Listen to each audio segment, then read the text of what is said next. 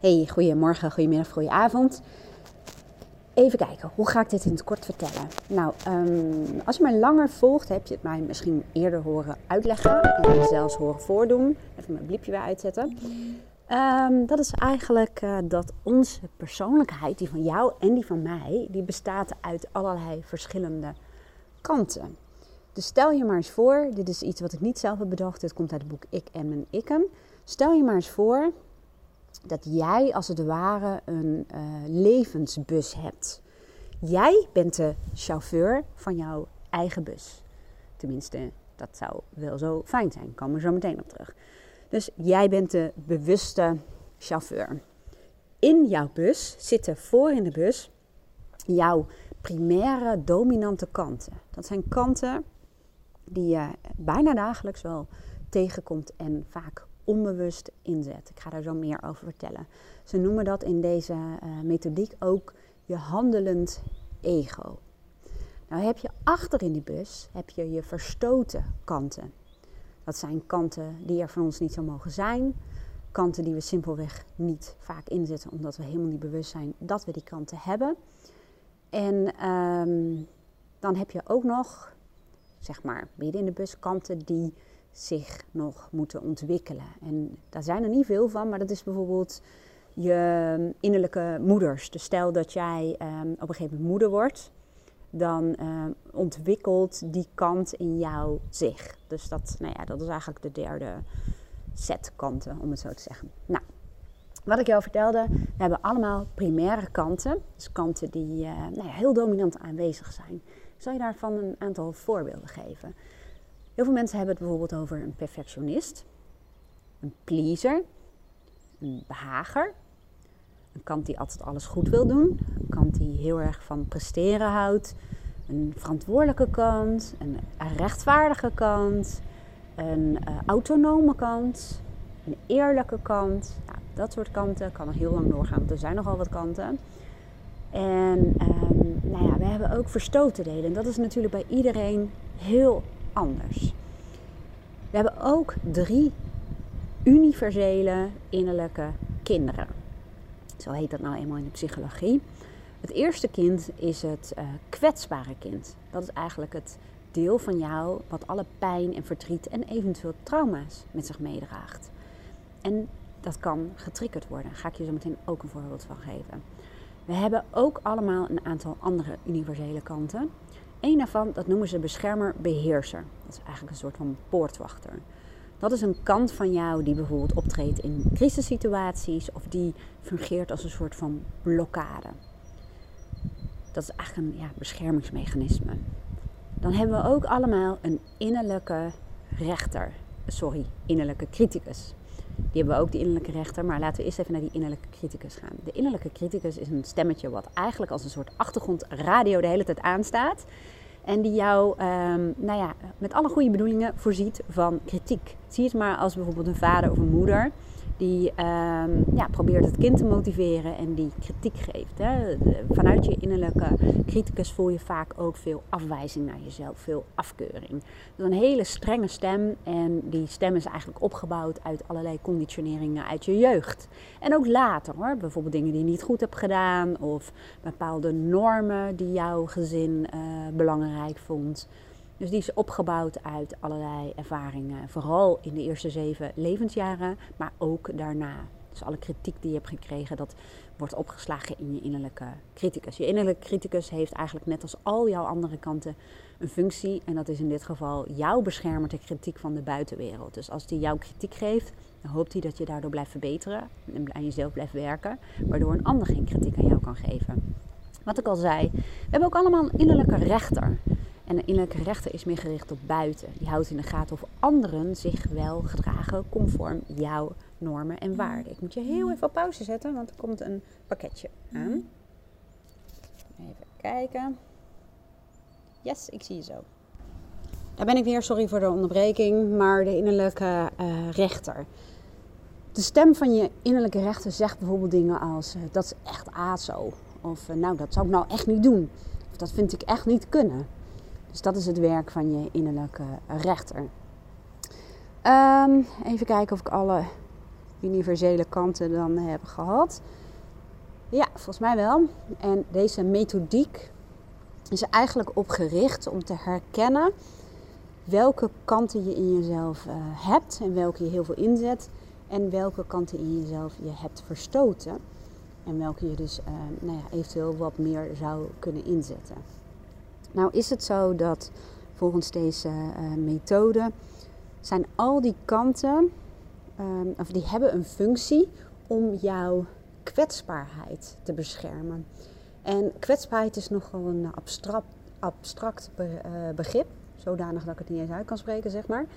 Ehm, voor mij is kwetsbaarheid een soort ehm, ja, beschrijving van echtheid. Van wat er echt en werkelijk is. En dat betekent ook dat je dat niet zomaar aan iedereen laat zien, omdat je daarvoor bang bent dat je bijvoorbeeld gekwetst kan worden. Hè? Of dat mensen ehm, je pijn kunnen doen. ik kan heel veel meer uitleggen over deze uh, methodiek. Ga ik ook niet doen. Als je lid bent van uh, mijn online academy, dan zie je een hele cursus hierover staan. Dus uh, nou ja, dan kun je lekker je gang gaan. En ik ga je nu wel even vertellen hoe ja, dit werkt in de praktijk. En met een voorbeeld van mezelf. En er was nog iets, er blijft eventjes iets hangen. Dat ik zei, kom daar zo op terug. Oh ja, ik weet het alweer. Daardoor kan ik ook niet verder met praten, omdat ik weet er is nog iets wat ik moest doen. En dat is jou uitleggen ik vertelde je namelijk op een gegeven moment dat um, je innerlijke kwetsbare kind die kan getriggerd worden. En daar zit alle pijn en verdriet uh, zit daar aan vast, om het even zo te zeggen. En een mooi voorbeeld was vorig jaar tijdens uh, de skivakantie. Toen was ik uh, ziek. Ik had koorts en ehm, mijn dochter en een vriendin van haar die waren mee en mijn vriend Aaron en Luca. Dus ik zei van, gaan jullie maar gewoon lekker skiën. Ik red me wel. Het was overigens ook zo'n mooie dag, een beetje zoals vandaag, heel veel zon. Ik dacht, ik ga gewoon in de tuin liggen, shalom, dikke jas. En weet je, ik kan mezelf heel goed vermaken. Maar op een gegeven moment pakte mijn vriend zijn sleutels. En uh, nou, je weet vast wel dat heel veel herinneringen ook vastzitten aan bepaalde geluiden of geuren en, zintuigelijke ervaringen, om het zo te zeggen. En ik hoorde die sleutels en iets in mij werd onmiddellijk getriggerd. En dat was dus mijn innerlijke kwetsbare kind. Ik heb echt uh, vroeger, uh, tot in mijn volwassen leven, ongelooflijk last gehad van verlatingsangst. Ook van bindingsangst overigens. En nou, gelukkig is dat niet meer het geval. Maar het is behoorlijk heftig als je dat hebt. En door het geluid van die sleutels werd mijn kwetsbaarheid getriggerd. En in één keer hoorde ik mezelf zeggen en dat komt omdat ik natuurlijk coach ben en heel veel bewustzijn hierover heb. Ik hoorde mezelf zeggen. En dan ben ik helemaal alleen. En dan laten jullie me helemaal, ben ik de hele dag alleen. Ik hoorde het mezelf zeggen. En, en ik ging nog net niet huilen. Misschien deed ik dat wel. Dat kan ik me niet meer herinneren. Misschien verdrongen. Maar ik, ik voelde het gewoon gebeuren. Ik voelde gewoon die, die, ja, die pijn van verlating en, en in de steek gelaten worden. Maar dat ging niet over die dag. Dat ging niet over mijn vriend. Maar die sleutels, die herinnerden, die haalden eigenlijk een herinnering op. Dus um, ja, wellicht toen mijn ouders uit elkaar gingen, dat mijn vader bijvoorbeeld wegging, dat, dat ik het gerinkel van zijn sleutels hoorde. Dus dat is een bewustzijnsmoment. Dus ik zei op een gegeven moment ook, oh, ik, ik, ik, ik zie gewoon wat hier gebeurt. Ze keken me met z'n allen aan van, wow, wat is dit? Ik zeg, ik zie dat dit gebeurt. Dit is echt zo'n voorbeeld van. Nou, en ik kon mezelf in die zin uh, nou ja, herstellen door bewustzijn. Dat is eigenlijk ook wat, um, nou ja, wat eh, een tweede stap is. Een eerste stap, de eerste stap is het doel eigenlijk van uh, deze methodiek, is gewaar zijn. Dus uh, je bewust worden van het feit dat je verschillende kanten hebt. Maar ook de energie, de emoties die horen bij de verschillende kanten gaan voelen. En ook voelen wat de verschillen zijn. En ook voelen wanneer een bepaalde kant het stuur overneemt. Want op het moment dat een kant het stuur van jou overneemt, kun je bij wijze van spreken alleen maar uit het perspectief van die kant kijken. Dat kan in mijn geval was dat dan mijn innerlijke kwetsbare kind, maar dat kan ook angst zijn. En als angst bijvoorbeeld heel lang aan je stuur zit of heel heftig je stuur overneemt, kan dat bijvoorbeeld ook een paniekaanval uh, nou ja, vormen, om het zo te zeggen. Dus bewustzijn over wat er gebeurt. Dus dat gebeurde bij mij op dat moment onmiddellijk. En uh, nou ja, onmiddellijk daarna, zeg maar, want ik had het al wel gezegd. En vervolgens is eigenlijk de tweede stap dat je, dat noemen ze, je bewuste ego gaat inzetten. En bewuste ego, dat is eigenlijk die chauffeur. Dus dat jij voelt van, oh ja, ik ben de chauffeur, ik zit hier op mijn plek, maar ik ben me wel heel erg bewust dat een kant van mij zich aandient. Ja, die voel ik. En dan is het de volgende stap om daar naar te luisteren en om te kijken, wat wil die kant eigenlijk? Dus, um, nou ja, en, en daar ga ik later nog wel eventjes op in. Want je gaat ook kijken, wat is de behoefte, hè? wat is de functie van die kant. Nou, die had ik op dat moment wel door. En ik had ook wel door dat het helemaal niks met het huidige moment te maken had. Nou, en dan vervolgens zou je een andere kant kunnen uitnodigen van jezelf die je beter dient in die situatie. Nou, dat was in dit geval voor mij niet helemaal nodig, want door het bewustzijn wist ik onmiddellijk, oké, dit is aan de hand. Ik ben gewoon een volwassen vrouw en ik kan er zelf heel goed van maken.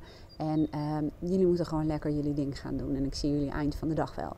Het was het eigenlijk weer opgelost. Dus dat is even een voorbeeld van wanneer een bepaalde kant van jou getriggerd kan worden. En um, die wordt bijvoorbeeld ook getriggerd op het moment dat je partner je relatie uitmaakt. Hè? Dan kun je ook helemaal in paniek raken. En dan is het ook vaak een voorbeeld waar, waarbij jouw innerlijke kwetsbare kind aan het stuur zit. Nu weet ik ook weer dat ik maar één innerlijk kind heb genoemd. Zie, bij mij in mijn hoofd klopt het dan ergens iets niet. Ik noem nog even de twee andere innerlijke kinderen die we allemaal hebben. De tweede is namelijk ons speelse kind.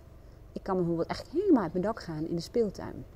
Zodanig dat ik echt in de gaten moet houden of bijvoorbeeld mijn neefje en nichtje nog wel bij mij in de buurt zijn. Hè? Want als ik zo lekker hard aan het schommelen ben, weet je wel. Dus dat is eigenlijk een voorbeeld van je speelse kind. En nou ja, die dient zich op allerlei verschillende manieren aan. En heel veel mensen hebben ook bij wijze van spreken het contact verloren met hun eigen speelse kind.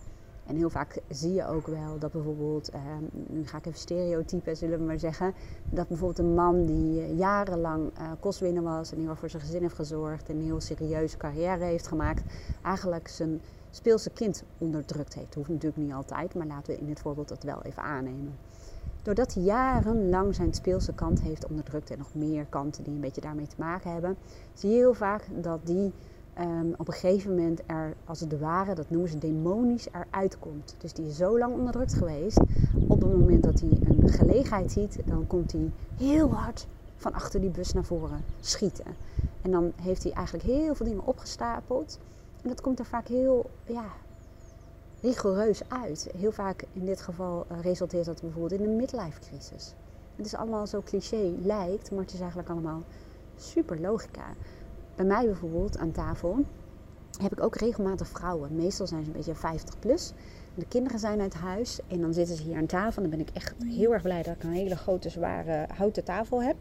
Want dan zeggen ze dingen zoals: En nu is het mijn tijd. En ik heb jaren voor iedereen gezorgd en niet aan mezelf gedacht. En iedereen heeft gewoon gedaan wat hij wilde. En nu is het mijn tijd. Dus dan zie je vaak dat een vrouwelijke midlife crisis bijvoorbeeld dan is ook het vaak het moment waarop een vrouw uh, de relatie wil beëindigen en voor zichzelf wil kiezen, zoals ze zegt, of ontdekken wie ze is. Dan, uh, nou ja, dan komt er eigenlijk ook een kant van haar uit haar bus naar voren, die al die jaren achter in de bus heeft moeten zitten met bijvoorbeeld duct tape, op zijn uh, mond. Omdat die vrouw heel erg aan het zorgen was en verantwoordelijkheid en nou ja, weet ik veel allemaal wat. Je hebt er vast wel een beetje een beeld bij. Nou, waar ik even naartoe wil, is een voorbeeld geven van mezelf, wat ik de afgelopen dagen um, heel erg merk bij mezelf. En voor members van mijn online academy, uh, ja, die weten het wel. Ik deel ook mijn eigen processen in, uh, in de academy. En dan vertel ik waar ik op dat moment in zit en wat ik dan ervaar, maar vooral ook wat ik dan doe om het weer te verbeteren. Nou, wat ik de afgelopen dagen bij mij heel duidelijk merk, is dat mijn primaire kanten, mijn innerlijke pusher, een pusher die altijd maar door wil. Die houdt niet van pauze, die wil go, go, go, go. En in mijn geval wil die uh, ja, werken, werken, werken. Dus video's opnemen, podcast opnemen, mensen coachen. Uh, bezig zijn met mijn opleiding, nieuwe tools ontwikkelen, schrijven, bezig zijn met mijn website, bezig met de technische dingen. Nou, en ga zo maar door, ga zo maar door, ga zo maar door. En die heeft ook een heel haastige energie. Nou, die kant van mij, die, uh, die zit strak naast me over het algemeen. En uh, ja, als ik lekker op dreef ben en lekker gas geef, om het zo te zeggen, dan wil die nog wel eens op schoot gaan zitten en mijn stuur over gaan nemen. En ik weet dat het zo is. En godzijdank, doordat ik gigantisch op mijn plaat ben gegaan, merk ik het nu in een eerder stadium. dat dat inderdaad aan de hand is. Want het is nogal snel te verwarren met enthousiasme en inspiratie. En lekker bezig zijn in een flow met doorslaan. Want dat is vaak als een kant van jou aan het stuur komt, dan slaat hij door in wat hij doet. Want die doet waar hij goed in is. En als jij die kant aan je stuur zet, ja, uh, dan, nou ja, ga er maar aan staan. Dus ik merkte van de week dat ik um, uh, dus eigenlijk de grens overging van inspiratie, enthousiasme en flow naar obsessief. En ja, nou ja, kun je wel een voorstelling bij maken, is het niet zo heel erg handig. Hoe ik dat merk? Ik merk dat omdat ik, uh, ja, we wonen nu in het bos, de zon schijnt. En uh, vandaag, uh, dus is nu dinsdag, heb ik twee sessies, of zou ik twee sessies hebben. alles is nu online vanwege de coronacrisis, maar die zijn verzet. En um, nou ja, dat biedt heel veel ruimte en tijd. Bijna, nou ja, wat is het, 3,5 uur. En wat ik merkte, is dat ik onmiddellijk in de actiemodus kwam en van alles en nog wat wilde doen. Omdat ik dacht, oh mooi, tijd, kan ik dit doen, dat, dat, dat, dat, dat doen. Maar uh, Luca, mijn uh, stiefzoon, is uh, deze week bij ons. Hij is ene week bij zijn moeder, één week bij ons. En ja, die is thuis. En dat dwingt mij om gewoon even tijd voor hem te nemen.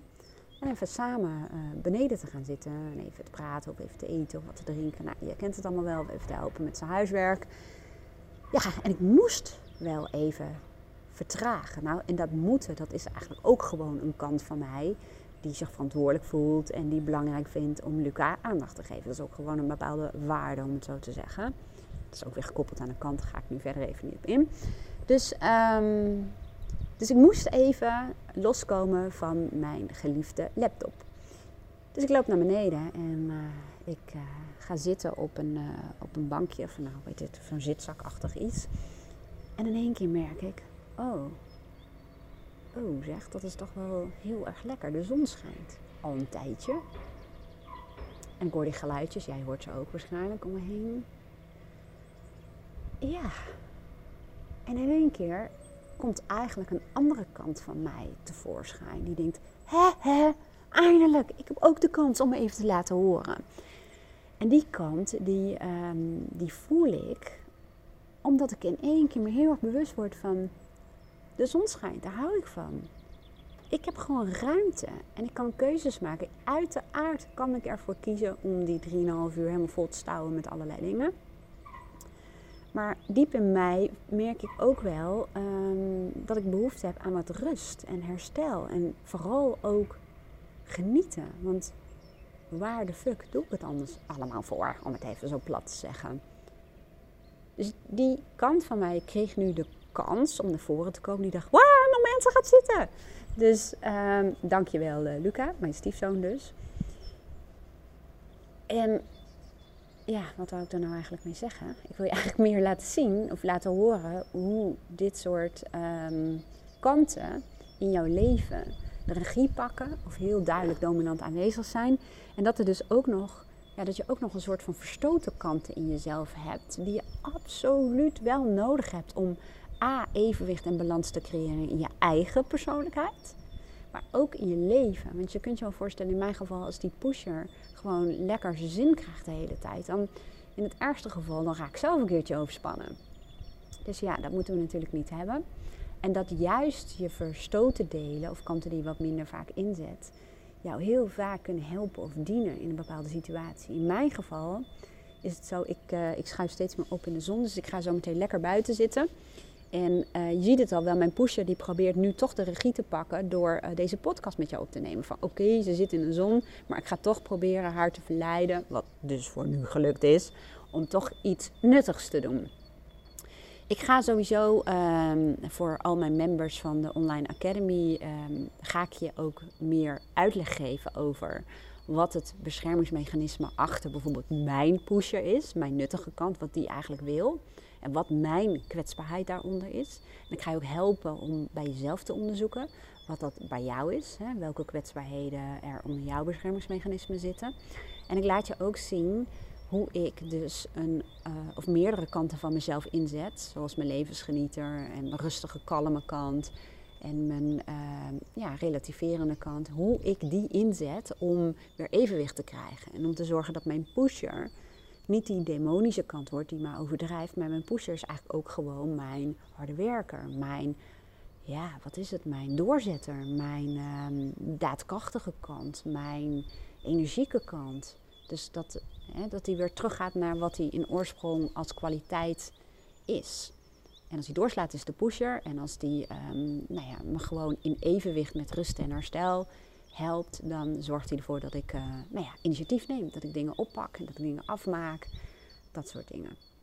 Dus uh, ben je member, dan uh, zal ik ervoor zorgen dat ik even de hele uitleg klaarzet voor je en het beschermingsmechanisme erachter, hoe je dat bij jezelf kunt gaan ontdekken. Maar ook hoe je jezelf daaruit kunt krijgen. Want dat is natuurlijk, dat is eigenlijk de tweede stap van deze methode. Dat is je bewuste ego inzetten. Dus eigenlijk de chauffeur van je bus inzetten van oké, ik voel dat dit aan de hand is.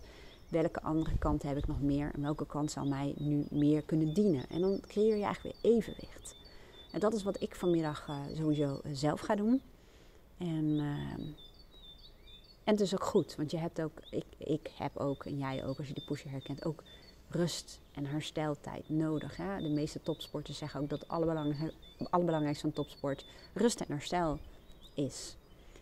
Dus ik ga mezelf dat even geven en ik hoop dat jij uh, nou ja, door deze uitleg een beetje inzicht krijgt in hoe jouw persoonlijkheid als het ware is opgebouwd. En hoe dat werkt met uh, nou ja, je dominante kanten, die heel vaak opereren namens jou. En hoe het zit met verstoten kanten van jezelf. En het interessant is, maar dat zei ik al, dat ga ik verder uitleggen in uh, mijn online academy. Dat uh, je verstoten delen er heel vaak van jou niet mogen zijn. Want mijn rustige kant of mijn levensgenieter of dat soort kanten. Ik vind het soms lastig om die in te zetten. En ik weet inmiddels waar, waarvoor of waardoor dat eigenlijk is. Omdat ik snel het gevoel kan hebben dat ik uh, nutteloos ben. Of dat ik uh, niet genoeg doe of niet genoeg presteer. En dat is eigenlijk bijna altijd gekoppeld aan je gevoel over uh, ja, je bestaansrecht. een soort idee wat je hebt dat je Um, ja, ik zorg dus ik besta. Die ken je waarschijnlijk wel. Maar bijvoorbeeld in mijn geval vaak. Ik, uh, ik creëer dus ik besta. Of ik presteer dus ik besta. Of dat, ik meet dan toch mijn bestaansrechtwaarde af aan um, nou, hoe nuttig ik ben. Hoe druk ik ben. Hoe goed ik bezig ben. En dat zit er vaak onder. Dus dat is even heel kort door de bocht gezegd. Wat... Um, ja, wat mijn beschermingsmechanisme is eigenlijk van die pushen. Wat die eigenlijk wil doen, is zorgen dat ik niet nutteloos ben en dat ik niet het gevoel krijg dat ik uh, niet goed genoeg ben. Want dat is vaak een beetje de essentie. Nou, ik hoop dat ik hiermee weer uh, heb kunnen inspireren. Mocht jij nou uh, nog meer geïnspireerd willen worden en ook nog dieper nou ja, in dit soort methodes willen duiken, dan zou ik zeggen, probeer gewoon eens een maandje in mijn online academy rond te struinen. Ik zet wel even het linkje voor je neer, dan kun je een beetje kijken wat het inhoudt. En uh, nou ja, ik hoop je daar te zien. Ik wens je voor nu in elk geval een hele fijne dag en uh, geniet ook een beetje. Doei doei! Hey, daar ben ik nog eventjes. Uh, misschien nog wel een leuke toevoeging. Um, heel veel mensen die ehm, hebben er baat bij door de verschillende kanten in zichzelf bijvoorbeeld een naampje te geven bijvoorbeeld. Ofwel een kant die heel dominant is, ofwel een kant die verstoten is en die ze eigenlijk vaker in willen zetten.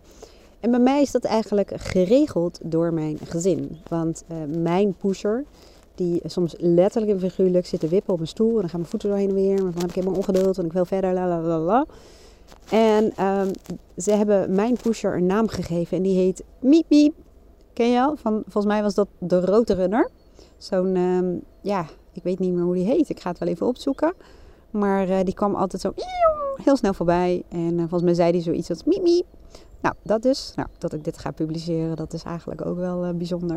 Het zegt eigenlijk mijn innerlijke criticus, dit ga jij niet publiceren. Maar goed, ik doe het lekker wel. Is misschien mijn rebelse kant, whatever. Ik ga eens even opzoeken hoe dat poppetje in het echt heet. Maar uh, ja, in mijn gezin noemen ze dat mijn miep miep. Dus als je dit bij jezelf ook doet, als je bezig bent met het ontdekken van de verschillende kanten in jou, goed ondersteunend boek is bijvoorbeeld Ik en Ikke. Maar ook um, Thuiskomen in jezelf. Dat gaat veel dieper. En dat is echt, ja, wat, uh, ja, hoe moet ik het zeggen? Dat is ook van de grondleggers uh, van deze methodiek. Ik zet wel even de linkjes voor je neer. Hoef je dat allemaal niet op te zoeken. Maar uh, nou ja, een naam bedenken voor de kant, zeg maar, die heel dominant is in mijn geval, kan wel helpen om er met luchtigheid naar te kijken. Nou, dat wilde ik nog even zeggen. Doei doei!